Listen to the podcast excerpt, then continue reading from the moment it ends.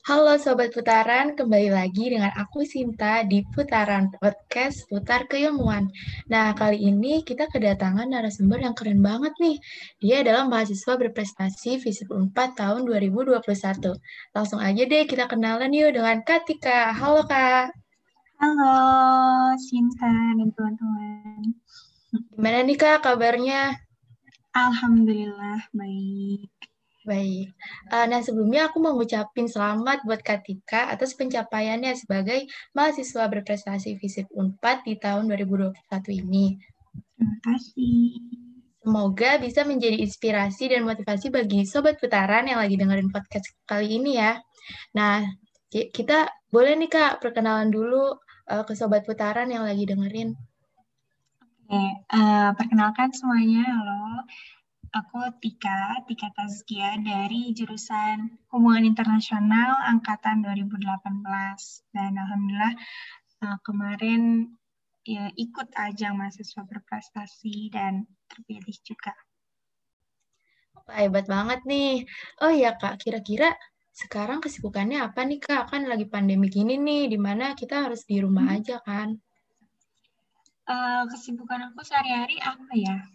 Lebih ke nggak lagi ikut-ikut organisasi apa pun, uh, lebih ke fokus kuliah aja sih karena udah tingkat akhir kan.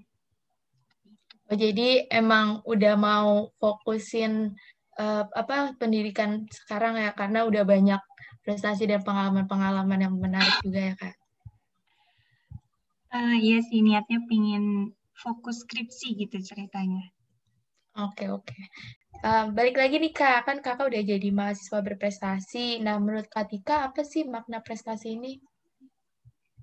Oke, kalau makna prestasi sendiri mungkin uh, secara istilahnya kita udah sama-sama pelajari ya di SMA gitu kayak FISIP yang belajar tentang IPS ada yang uh, kita ketahui gelar gitu ya, ada yang assign, ascribe, itu ada yang didapatkan, ada yang uh, diberi kehormatan oleh orang lain. Dan prestasi ini sendiri menurut aku termasuk yang uh, kita usahakan gitu, sesuatu yang kita dapat karena kita usahakan dan dilegitimasi juga oleh orang lain. Seperti itu sih. Oh, menarik banget nih, Kak. Uh, faktor apa sih yang menjadi pendorong kakak untuk menjadi mahasiswa berprestasi? Faktor pendorong, hmm, mostly karena ingin tahu rata-rata mungkin yang mendaftar ingin mengetahui kapasitas dan kapabilitas diri sendiri gitu ya untuk mengukur dan pasti uh, intensi-intensi moral lainnya seperti kayak ingin membanggakan orang tua seperti itu ya. Jadi um, lingkungan juga penting gitu ya kayak untuk mendorong juga. Penting, penting. Tapi yang paling penting mungkin um, menurut aku um, lebih ke intensinya dijaga sih kayak harus murni gitu. Oh, yang mendorong ini jangan sampai cuman buat verifying atau cuman buat proving kayak gitu. Emang harus uh, niat di awal tuh memang harus baik untuk meningkatkan kualitas diri yang tadi kakak bilang gitu kan ya. Betul. Dan oh, ya. menjaga niat itu nggak mudah gitu. Kadang harus kayak, oh ya berfilsafat mungkin ya kita bilang. Oke nih kak. Nah kak, uh, sebelum jadi mahasiswa berprestasi, uh, pengalaman apa aja nih kak yang pernah kak Tika laluin dalam bidang keilmuan? Mungkin seperti lomba yang pernah diikutin atau lainnya? Oke, uh, jadi kalau aku sendiri di ajang kemarin itu melampirkan mostly prestasinya itu dari MUN, model United Nation, karena uh, kebetulan aku juga kan dari jurusan hubungan internasional yang sangat lekat dengan um, ya quote unquote si konferensi ini. Dan juga uh, prestasi sebagai presenter atau penyaji atau speaker di dalam konferensi-konferensi juga. Lalu seperti publikasi tulisan di media uh, ilmiah atau di jurnal dan juga uh, leadership keorganisasian seperti itu. Wah keren banget nih sobat putaran. Um, Katika sendiri um, emang minat ya di hubungan internasional ini atau gimana kak? ya jelas minat karena uh, dari SMP sih ingin masuk jurusan ini. Oh keren banget. Berarti emang udah passion lah ya. Jadinya enjoy jalaninnya ya. Iya harus enjoy sih. Karena kalau kita nggak enjoy, nggak antusias, mungkin uh, hasilnya takutnya kurang efektif seperti. Nah kak, tadi kan uh, kakak sebut MUN, terus apa um, ada ikut untuk organisasi lain dan ketika sendiri juga masih berprestasi ini kan kayak sibuk banget nih kak. Nah kasih tahu dong caranya gimana manajemen waktu yang baik menurut Katika. Oke, okay. uh, sebenarnya mungkin aku mau disclaimer dulu kali ya. Uh, kalau sebenarnya Sinta, aku ini uh, not really an opportunities person gitu kan, karena uh, di kita ini ada stigma kalau mahasiswa berprestasi itu pasti orang-orang yang lombais, orang-orang yang selalu mengejar lomba, yang selalu ya informasi lomba daftar, gitu, juara dan sebagainya.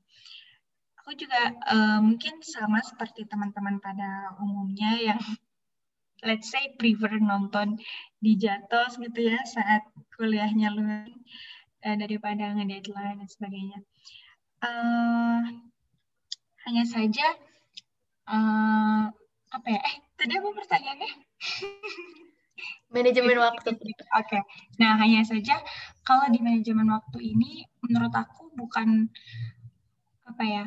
lebih ke kita lakukan satu aja, satu dalam uh, kurun waktu tertentu maksudnya kayak we just have to satu goals gitu. Kita hanya perlu satu goals yang besar daripada uh, mengiriskan waktu menurut aku ya mengiriskan waktu banyak ke eh, hal-hal uh, yang banyak gitu misalnya nih karena problemnya itu pemuda itu kan pingin kayak segala dicoba gitu ya istilahnya mah pingin bisnis iya pingin jadi ketua organisasi iya gitu pingin IPK 4 iya gitu kan uh, menurut aku sih kalau dari pengalaman awal-awal maba memang seperti itu. Oh, daftar kepanitiaan satu semester sampai uh, delapan kepanitiaan didaftar gitu kan. Di kepanitiaan ini jadi MC, di kepanitiaan ini jadi LO, jadi apa gitu. Dan itu sebenarnya kurang efektif. Yang paling efektif sering berjalannya waktu gitu. Oh, ada satu goals aja gitu. Misalnya kayak saat semester kemarin aku pengen jadi mama pres ya udah ikut mama pres aja gitu seperti itu jadi manajemen waktu yang terefektif adalah saat kita goalsnya itu cuma satu gitu menurut aku Oh iya benar sih Kak, emang mendingan kita tuh fokus sama satu tapi kita serius gitu ya daripada Betul. kita ikutin banyak hal uh, yang mm -hmm. ada nanti mas setengah-setengah gitu ya. Betul. Oke. Okay. Nah Pasti nih Kak. Iya sih benar-benar. Nah kak, uh, boleh juga nih sharing ke sobat putaran yang lagi dengerin tahapan atau proses untuk menjadi Pres itu sendiri gimana nih kak? Oke, okay. uh, eh, dari segi seleksinya mungkin ya. Iya boleh kak. Uh, sebenarnya untuk Pres tahun ini itu lebih cepat timeline-nya dari yang seharusnya. Karena seharusnya biasanya UNPAD itu mulai di uh, pemilihan di fakultas itu harusnya Maret gitu. Cuman pas kemarin itu dari Januari udah digencar. Atau mungkin biar prepare lebih banyak atau uh, ada konsentrasi lainnya dari tim UNPAD. Cuman dari tahapannya sendiri itu yang pertama adalah Alhamdulillah tahun ini ada sosialisasi persiapan Pilmapres gitu. Jadi ada panitia di Unpad isinya juri-juri juga gitu. Mereka memaparkan apa aja kriteria yang dinilai gitu selama kurang lebih tiga hari gitu webinar dari pagi sampai sore uh, semua dipaparkan itu saat libur dan uh, aku sih pribadi berharap bahwa ini akan menjadi annual apa ya annual program gitu sebelum pemilihan Pilmapres karena banyak juga kan yang masih belum tahu gitu ya, pingin ikutan, pingin jadi mahasiswa berprestasi tapi belum tahu kompetisi ini apa. Uh, dan yang kedua itu mungkin seleksi administrasi sih. Nah di seleksi administrasi ini tuh kayak kita nge-collab uh, sertifikat-sertifikat, lalu uh, seperti ya surat keterangan, surat keterangan dan yang perlu dicatat dalam uh, situasi pandemi ini adalah perlunya mengirimkan berkas langsung gitu ke Unpad. Nah, alhamdulillahnya aku orang Bandung kan, jadi bisa dekat ke Unpad. Mungkin kasihan kepada eh, teman-teman uh, yang di seberang pulau seperti itu ya. Uh, dan yang ketiga itu pengumpulan kalau di FISIP pengumpulan KTI dan pengumpulan video gagasan gitu. Jadi kita disuruh melampirkan gagasan dalam bentuk video. Mungkin teman-teman yang berniat ikut Pilmapres tahun depan bisa dilihat uh, di referensinya di YouTube Humas Visip Unpad ya kalau nggak salah. Nah, itu yang mendaftar di Visip Unpad terlihat di situ video-video gagasan kreatifnya. Lalu yang terakhir interview untuk uh, seleksi fakultas gitu. Nah, di interview ini adalah tahapan yang sebenarnya secara apa ya, secara formal mereka tidak masuk kriteria nilai Sinta. Uh, cuman paling berpengaruh gitu. Jadi attitude di Unpad tuh di Unpad gitu mereka menekankan kalau attitude is everything gitu. Saat IPK-nya bagus, saat KTI-nya bagus atau prestasinya internasional semua, tapi attitude-nya no it will be zero gitu.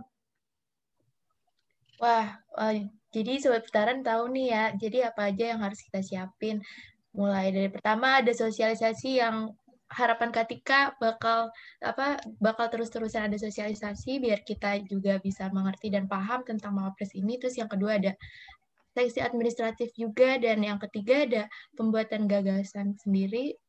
Dan yang terakhir itu interview di mana yang tadi Katika bilang ya kita gimana pun sehebat apa kita kalau misalkan uh, kualitas diri termasuk attitude kita um, misalkan kurang ya tetap aja itu bakal jadi apa ya um, poin jelek banget ya buat diri kita. Jadi gimana pun juga dan di mana pun juga memang seharusnya kita menjaga sikap dan perilaku kita pada orang lain.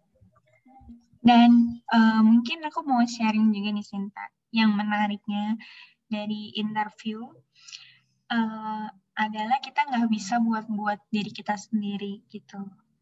Jadi uh, ya kita tidak bisa merencanakan kalau presentasi kan we can uh, ya train in in front of the mirror gitu kan. Kayak ngomong sendiri gimana nanti kira-kira pertanyaan juri dan sebagainya. Hanya saja untuk point attitude ini ya apalagi di level Unpad itu mereka punya dosen-dosen ahlinya sendiri yang tiba-tiba randomly gitu bilang misalnya, eh kamu cantik ya, cuman buat lihat respons kita seperti itu. Oh, wah, itu di luar ekspektasi hal-hal ya. Jadi emang benar-benar nggak bisa disiapin sebelum interview ya. Dan memang harus nunjukin sisi terbaik dari diri kita sendiri gitu ya. Iya. Nah, Kak, um, tadi kan Kak sempat bilang kalau Kak ketika ini kan di Bandung dan untuk proses seleksi administratif ya tidak ada kendala dan teman-teman yang lain mungkin di luar pulau itu kan ada kendalanya mungkin seperti itu. Nah, ada kendala lain nggak sih Kak untuk apa seleksi Mawapres ini sendiri? Uh, sebenarnya kendala lainnya adalah mungkin bagi teman-teman juga yang berniat ikut Pilmapres gitu ya, lebih ke um, preparation mentalnya sih. Karena uh, yang pertama, waktu yang kita punya itu very limited gitu.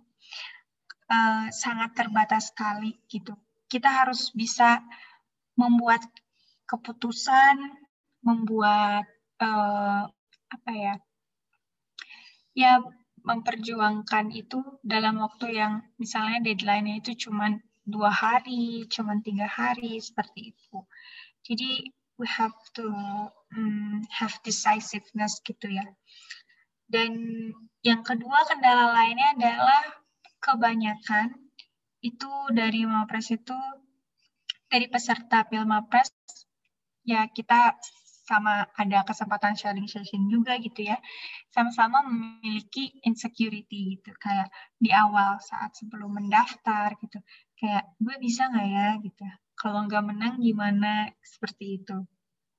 Nah uh, di sini mungkin aku mau sedikit sertai uh, jawaban dari kendala itu yang aku temui selama proses juga bahwa ya kita harus lebih memiliki courage lah gitu.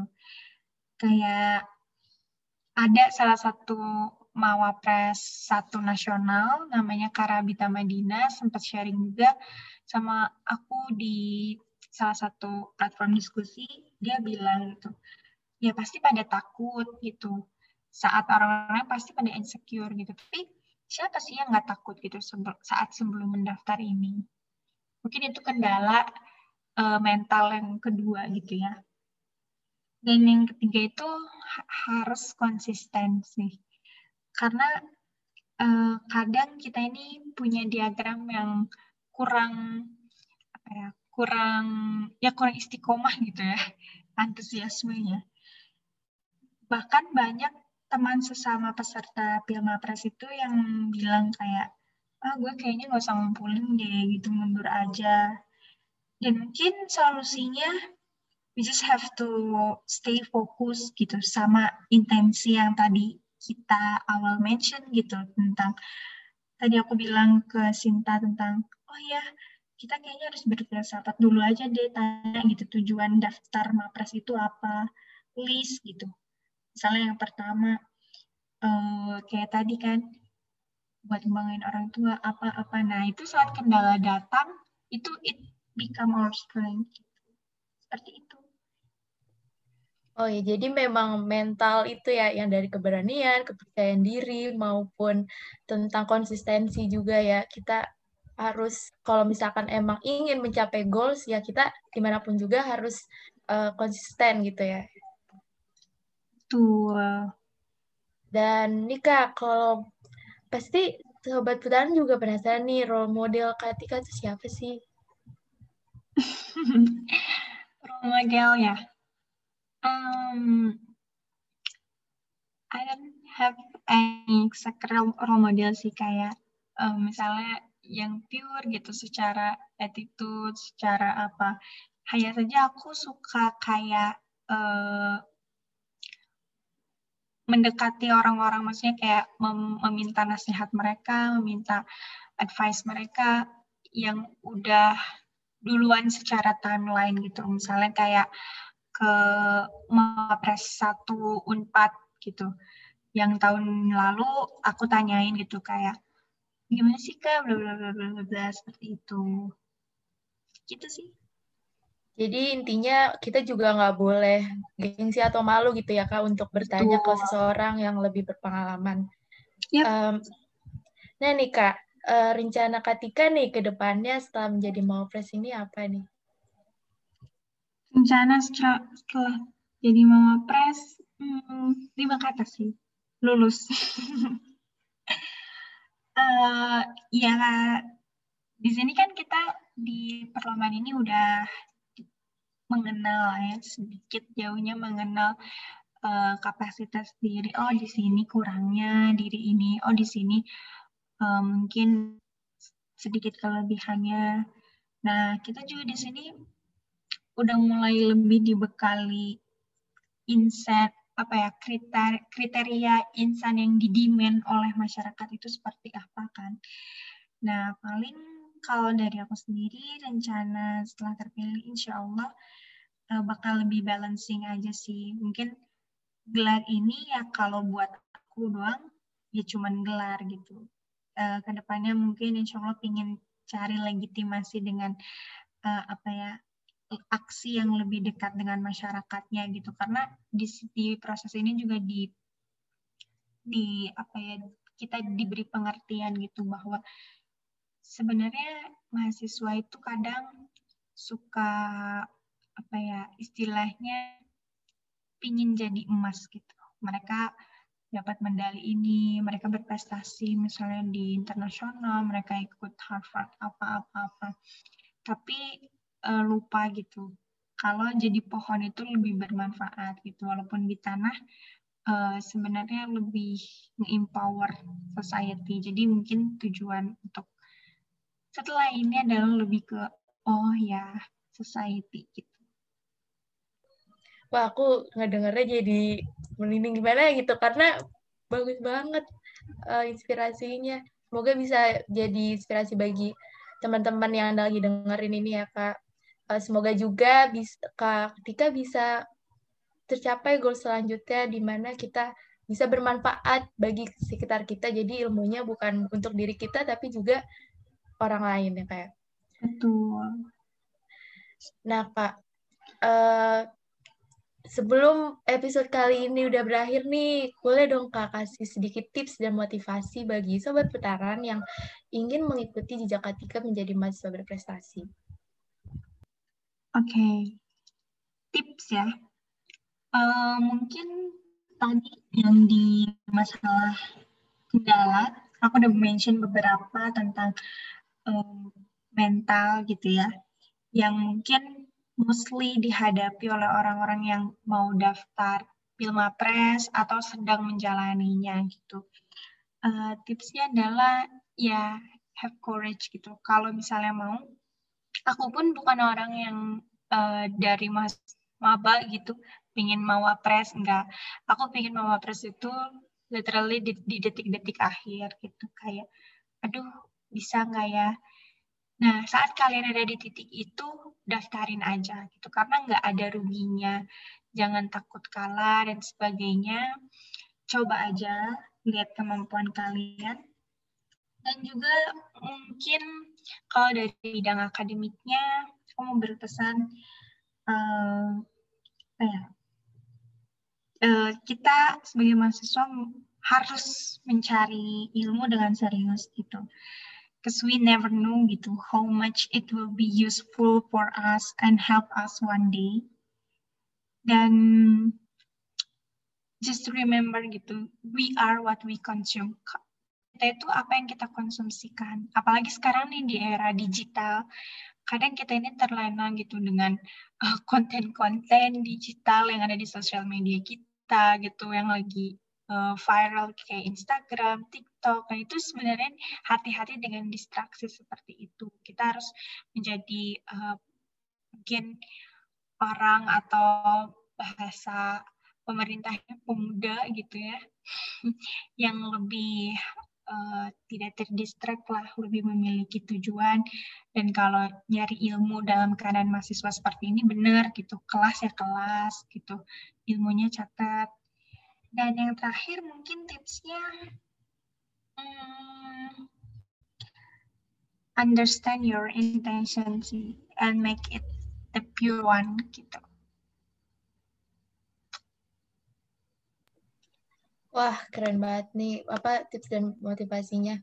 Di mana kita memang harus menentukan sendiri kan goalsnya apa, terus konsisten dan jangan ke distrik sama hal-hal yang bikin kita keluar dari goals kita itu ya kayak. Ya. Dan Betul. juga di mana pun uh, kita sebagai pemuda juga dan sebagai mahasiswa tentunya tetap harus uh, fokus di akademiknya juga jangan karena pengen nyampein goals tapi nanti akademik malah terbengkalai juga kan itu juga nggak boleh ya kayak.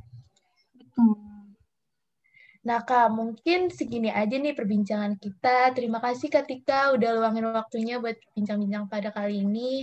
Banyak banget ilmu yang bisa kita dapetin mulai dari bagaimana manajemen waktu, manajemen waktu dengan baik, bagaimana proses dari Katika sendiri yang tadinya biasa-biasa aja tapi berkeinginan untuk menjadi mawapres, kendala-kendalanya, motivasi dan tips-tipsnya. Semoga episode putaran kali ini bisa jadi inspirasi bagi sobat putaran yang siapa tahu berkeinginan untuk menjadi mahasiswa berprestasi juga seperti Katika.